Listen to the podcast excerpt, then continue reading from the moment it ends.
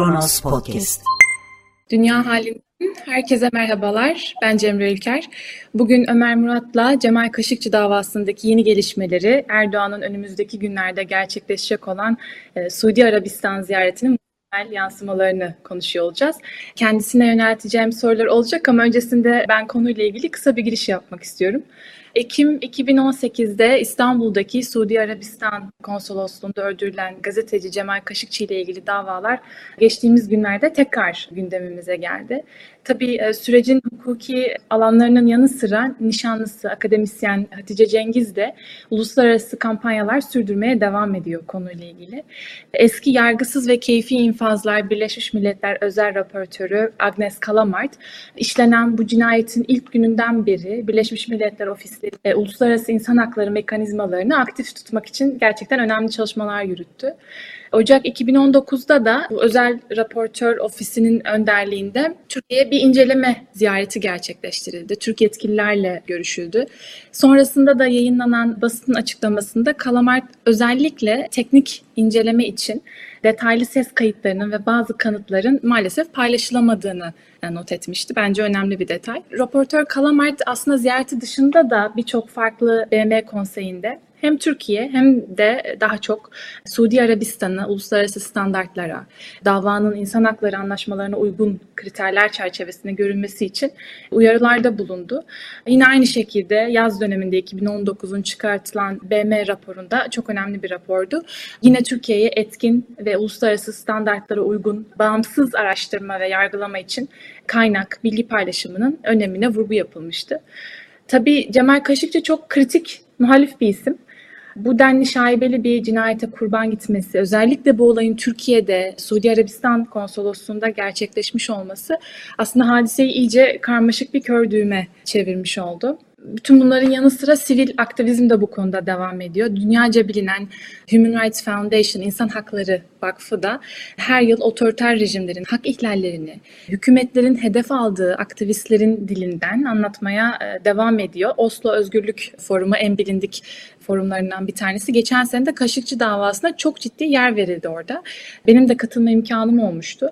Hatice Cengiz'in de içinde bulunduğu, Türk yetkililerle yapılan önemli söyleşilerin yer verildiği, daha önce farklı platformlarda paylaşılmamış olan ses kayıtlarının bulunduğu bir belgeselin uluslararası yayımını yaptılar. The Dissident, muhalif belgeseli.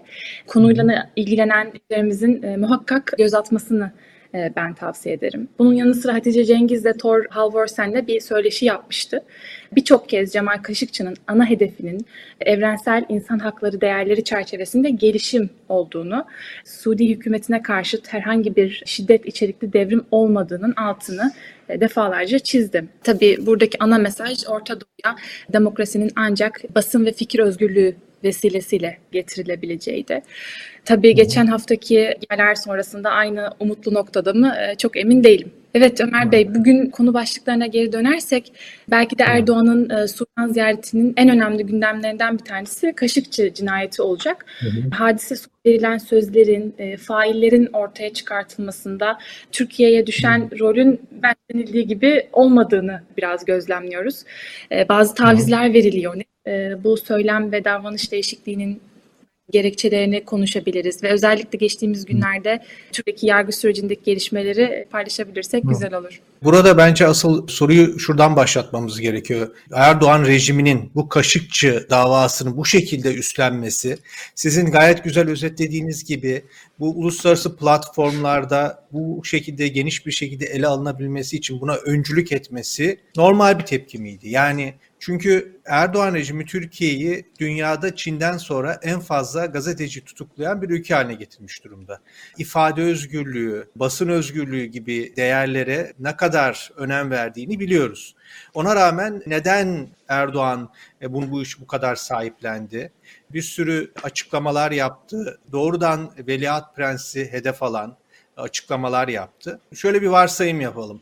Diyelim ki bu cinayet Katar Başkonsolosluğu'nda İstanbul'da gerçekleşmiş olsaydı ve Katar emirinin üzerinde soru işaretleri olsaydı acaba Erdoğan bunu bu kadar sahiplenecek miydi?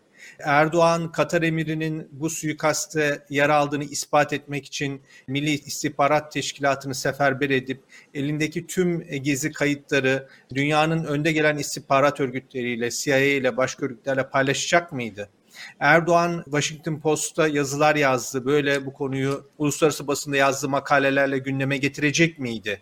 Veya açıklamalar yaptı doğrudan takip etti. Bu bizim topraklarımızda oldu. Biz bunu kapatmayız dedi. Suudi Arabistan'ın açıklamalarına biz enayi miyiz dedi. Sonra da şimdi tabii farklı bir şeye döndü ama böyle bunu devamlı bir gündemde tuttu. Yüksek profili bir dava haline getirdi. Tabii ki e, bunun basın özgürlüğüyle, ifade özgürlüğüyle pek bir ilişkilendirebilmek bu tavrı bence mümkün değil. Peki nereden bunu çıkartıyorsun? Belki Katar emiri de yapmış olsaydı aynı tepkiyi verirdi gibi bir tepki gelebilir.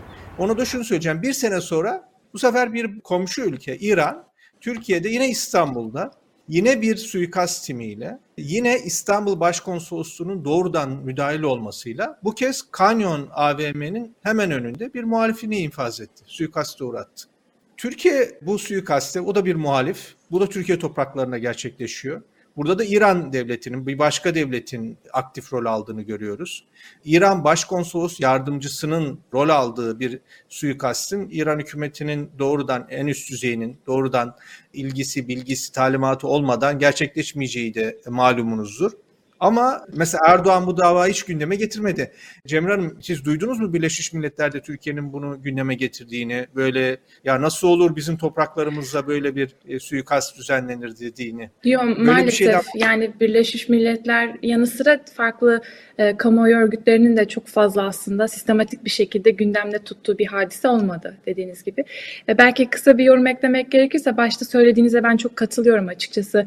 İnsan hakları ihlalleri Türkiye'nin karnesinde belki kırık bir not olarak hep vardı ama özellikle eski hükümetlerin batıya entegrasyon niyeti, insan hakları jargonunun e, sıkça kullanılması vesaire stratejik öncelikler sağlıyordu. Bu da dediğiniz gibi yani bu dava ve cinayet de aslında dış dünyaya açılabilecek insan hakları değerlerine saygı duyulduğunu gösterebilecek bir belki fırsata çevrilme gibi bir niyet vardı ama bence altı boş kaldı dediğiniz gibi.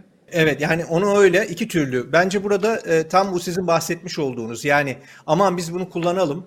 Çünkü e, orada başka alttan başka bir e, hedef var. Bunu kullanırken de malumunuz işte Erdoğan dünyada otokrat liderlerin sembol yüzü haline gelmiş.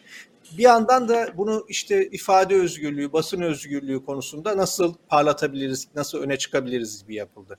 Şimdi bizim bence burada sormamız gereken soru şu.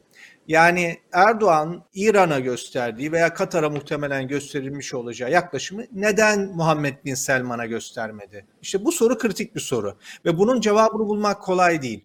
Şimdi öyle bunun birazcık hani biraz bu konuda bir spekülasyon yapabilmek, ayakları yere basan bir tahminde bulunabilmemiz için Muhammed Bin Selman'ın biraz üzerine merciyi biraz ona doğrultmamız lazım. Şimdi Muhammed Bin Selman bir saray içi darbeyle veliaht prensliğe geldi.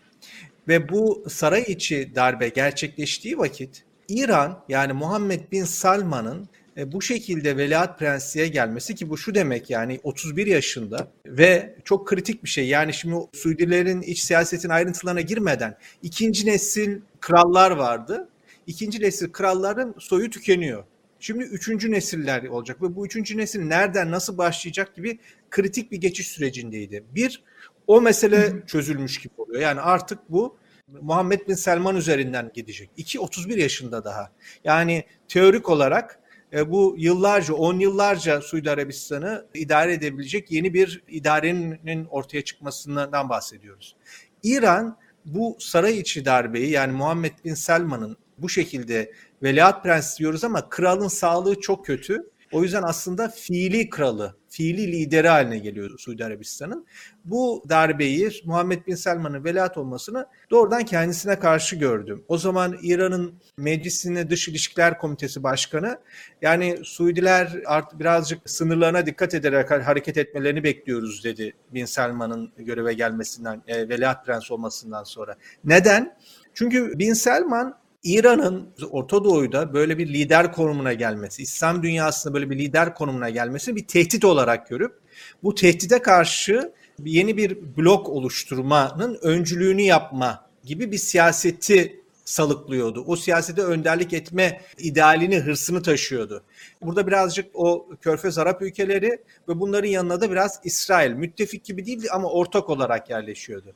Anlıyoruz ki Erdoğan bu gelişmeden çok memnun olmamış. Yani Erdoğan yani İran'a karşı oluşan böyle bir ittifak ve burada Türkiye yok. Böyle bir ittifaklaşmaktan memnun olmamış ve bundan dolayı Bin Selman'ı adeta indirmek için yani bu cinayetin bir fırsat olarak görüp Bin Selman'a vurmaya başladı güçlü bir şekilde. Vurdu ama düşüremedi.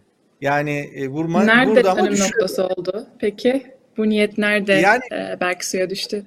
Şimdi bence beklenti bu kadar ağır yani Selman kendini bu işten ne kadar sıyırmaya çalıştıysa Türkiye Selman'ı doğrudan bu işle ilişkilendiren delilleri durmadan şeylerin önüne koydu. Yani Suudi Arabistan'ın çok güçlü bağlantıları var. Gerek Amerika'da gerek İngiltere'de Batı'da güçlü bağlantıları var. Yani bu bağlantıları kullanarak Veliaht Prens bu işten birazcık kendini sıyırabilirdi. Ama Erdoğan buna müsaade etmedi ve bugün hala özellikle Batı kamuoyunda Bin Selman e, bunun etkisini yaşıyor.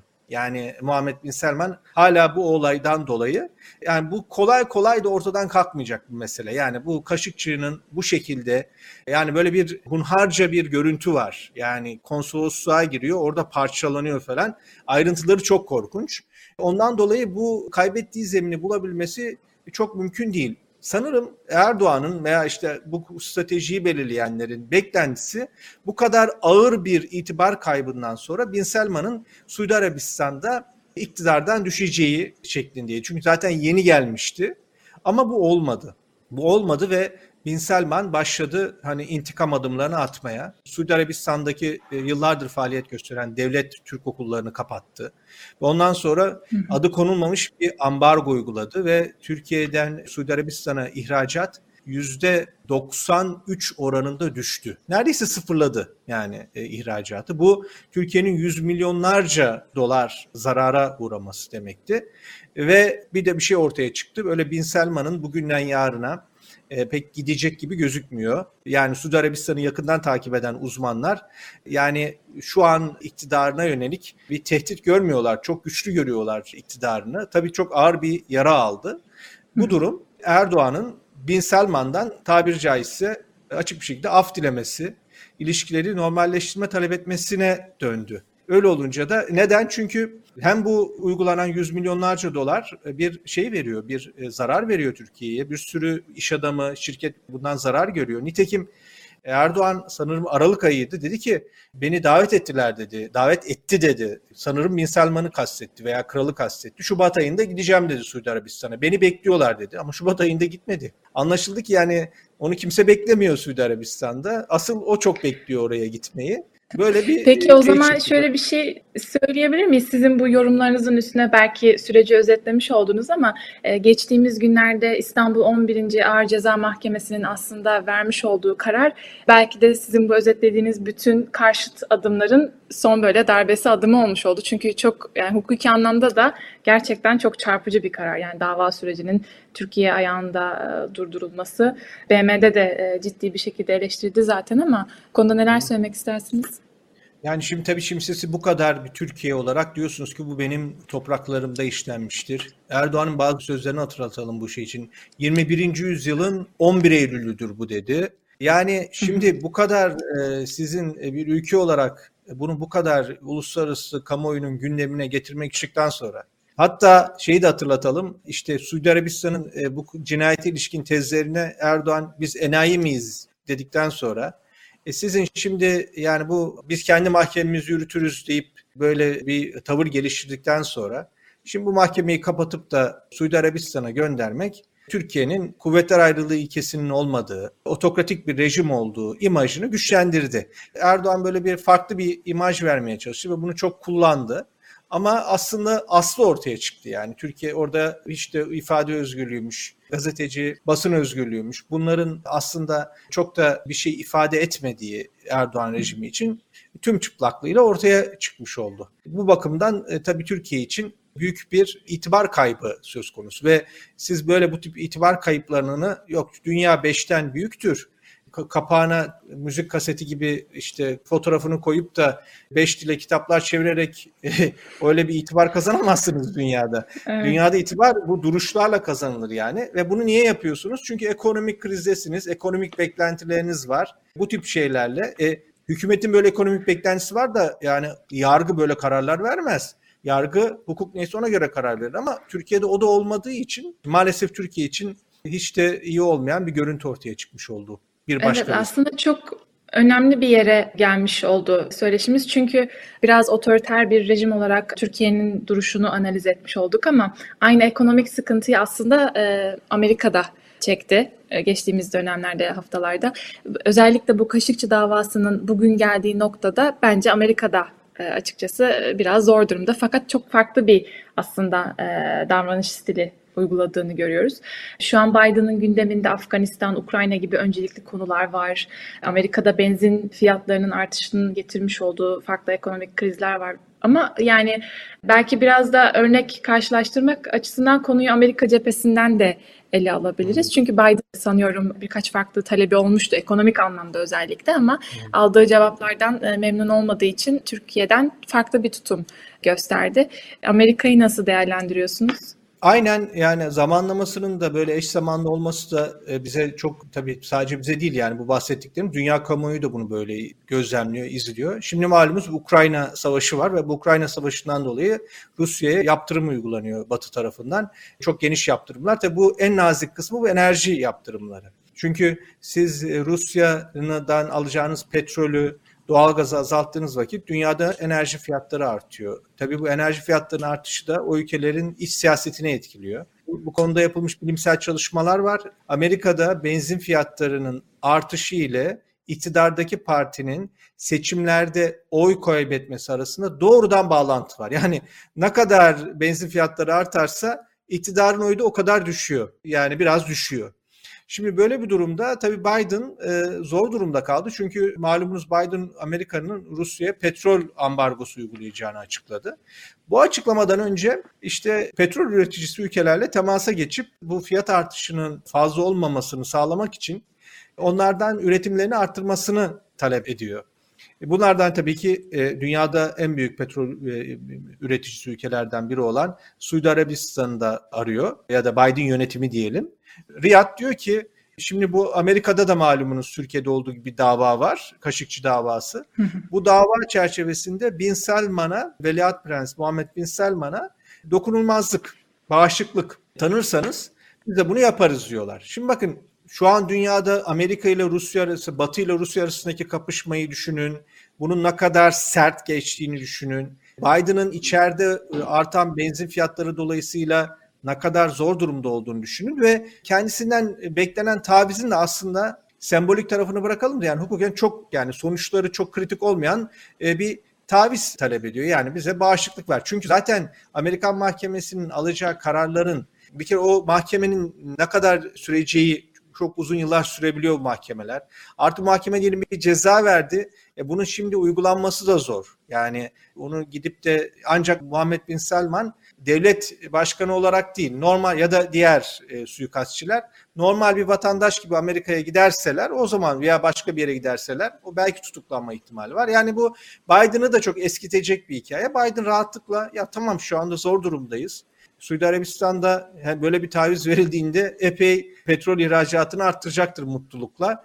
Bu da Putin'i de epey bir tadını kaçıracaktır. Bizim halk da mutlu olacaktır ama bunu yapmadı. Biden kabul etmiyor bu teklifi. Bakın bu ilginç. Yani Erdoğan'ın ekonomik e, fayda mülaza ederek, ekonomik fayda gözeterek evet dediği Biden hayır diyor. Neden? Çünkü Şimdi dünyada Rusya ile Batı arasındaki kapışmayı otokrasi ile demokrasi arasındaki bir karşılaşma, bir kapışma boyutu da var. Şimdi Amerika bunu devamlı vurguluyor. Yani biz işte liberal demokrasileriz, o bir otokrasi diyor.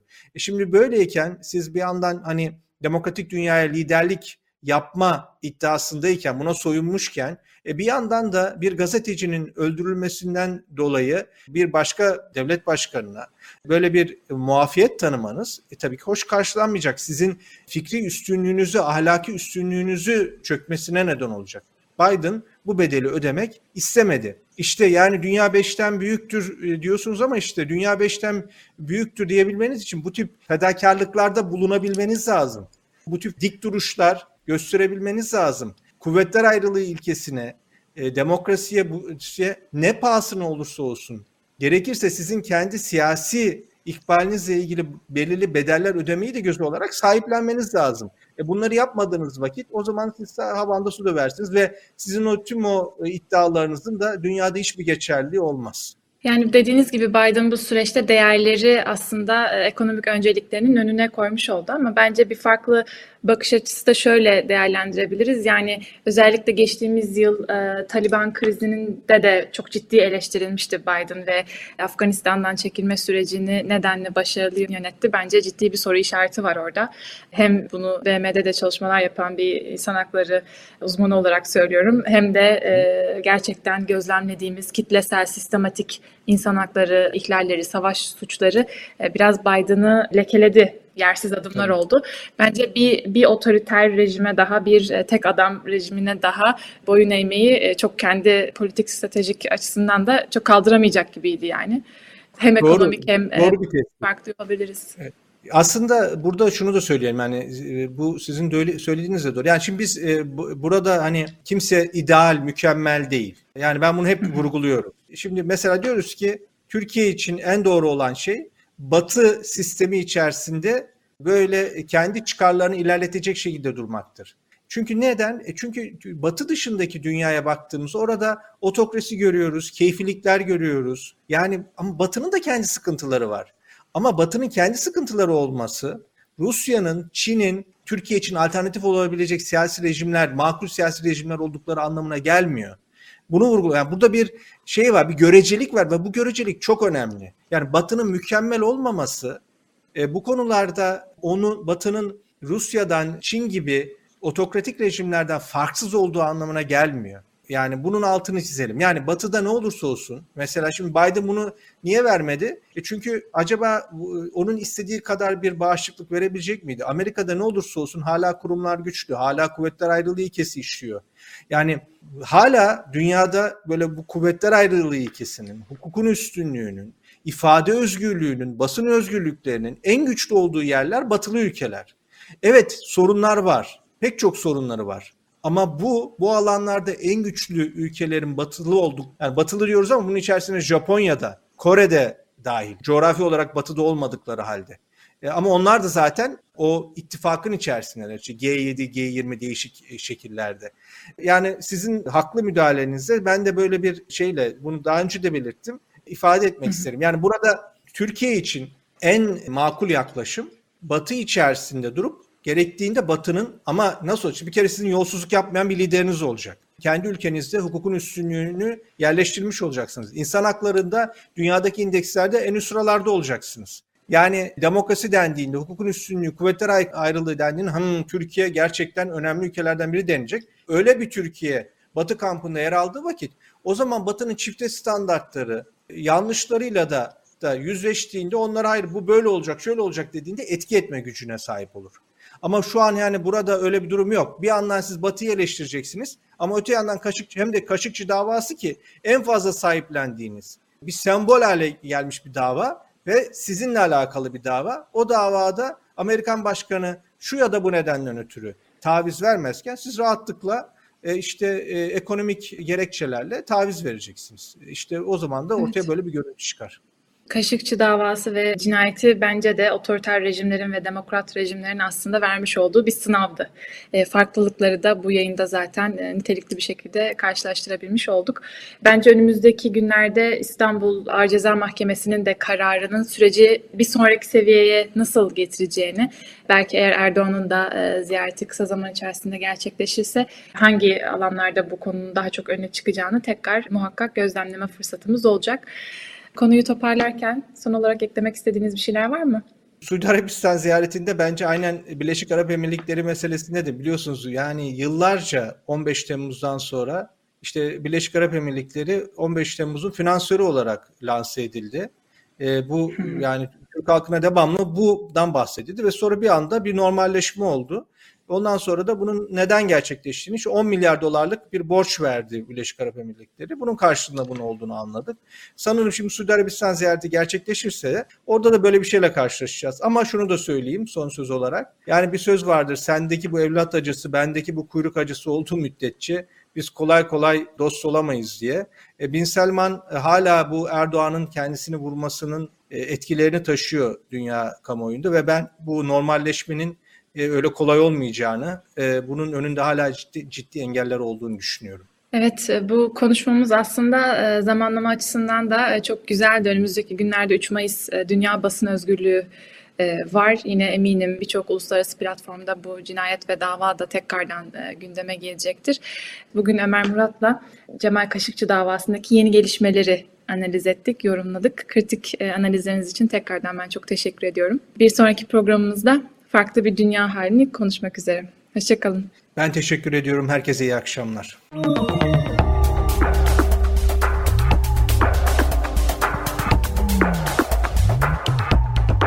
Kronos Podcast.